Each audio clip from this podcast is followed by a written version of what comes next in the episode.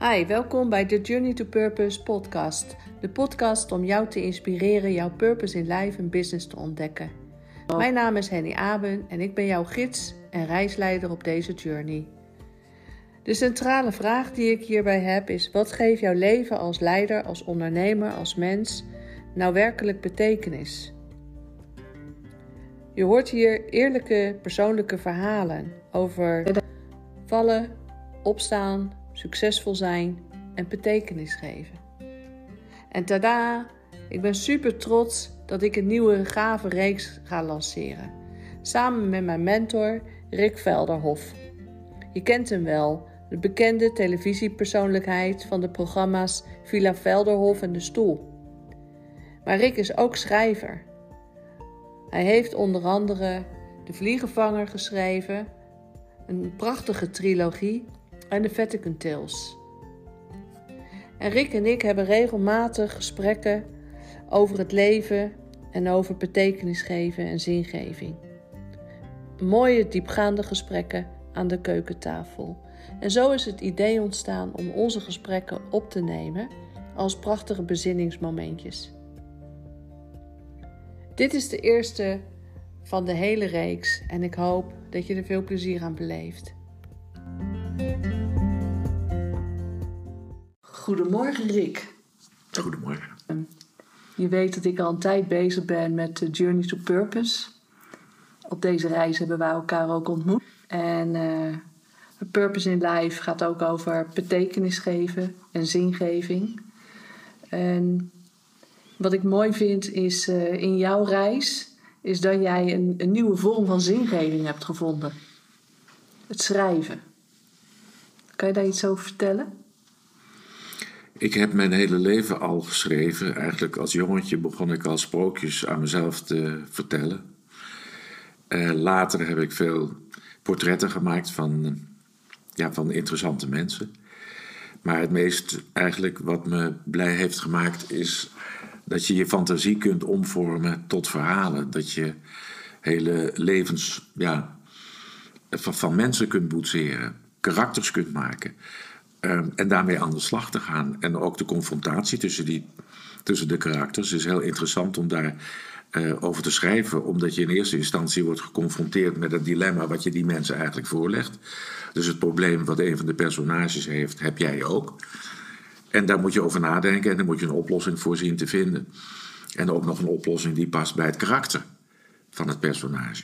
Kortom, ik ben daar heel druk mee en vooral mijn hoofd is er heel druk mee. En als ik wandel, en ik wandel veel, zowel hier in Nederland door de bossen, als uh, op Bonaire, waar ik woon. En eigenlijk langs de boulevard op en neer en een beetje langs uh, Klein Bonaire, langs het strand. En dan vind ik het heerlijk, want ik ben eigenlijk nooit alleen, omdat ik altijd uh, converseer met mijn karakters uit de boeken. Ik heb De Vliegenvanger geschreven. Uh, dat is een hele dikke roman, eigenlijk drie delen, de trilogie. En dat heeft me ontzettend niet alleen bezig gehouden, maar het heeft me ook heel blij gemaakt. Mooi. En daarna heb je de Vatican Tales geschreven. En uh, jij noemt dat uh, anekdotes met een knipoog. Uh, anekdotes uit de hofhouding van de paus. Ik vind het hele mooie verhalen met boodschappen. Ja, eigenlijk is dat geboren uit een soort van balorigheid of andere invulling van je, van je weken, van je dagen. Het kwam door corona onder meer. Veel meer thuis veel meer uh, bezig met, met niets eigenlijk. Ja, in je, in je tuin. Ik doe veel in de tuin.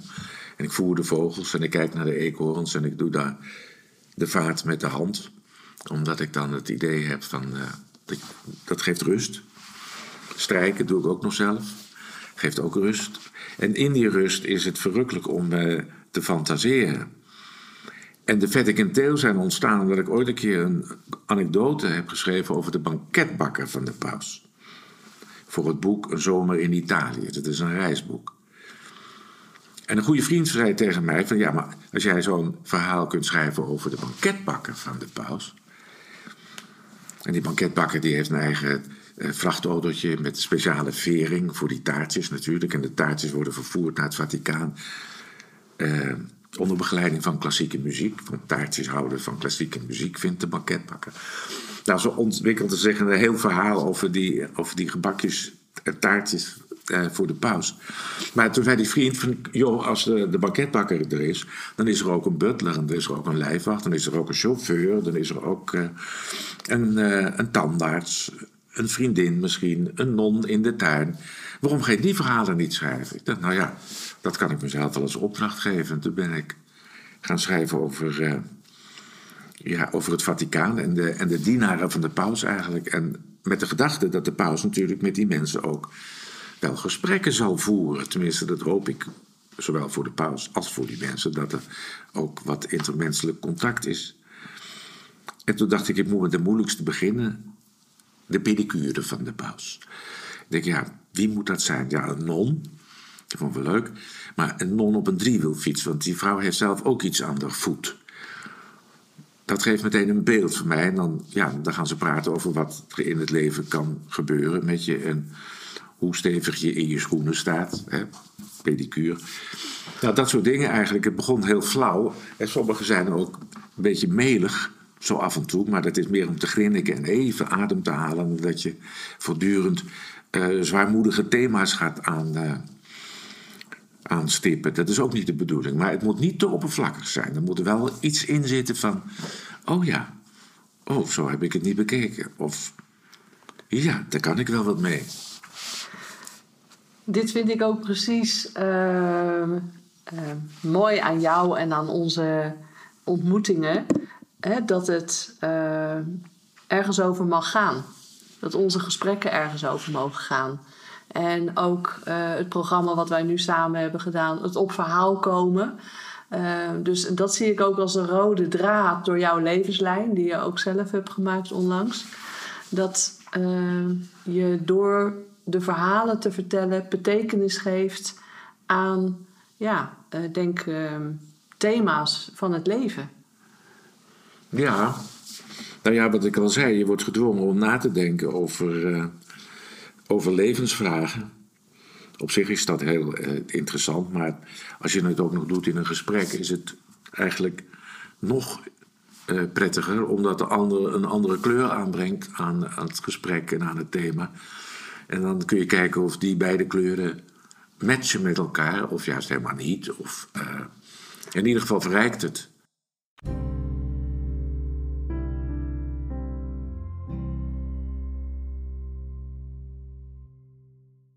Gesprekken die ergens over gaan. Ik hou ervan. En ik ben ook super blij en enthousiast dat wij samen deze reeks gaan maken. Rick Velderhof en ik op verhaal komen. Door verhalen te vertellen geef je namelijk betekenis aan je levensvragen. Rick zal elke week uit zijn boek The Vatican Tales een verhaal voorlezen. De anekdotes uit de hofhouding van de paus. Verhalen met een knipoog. En ik haal die knipoog eruit.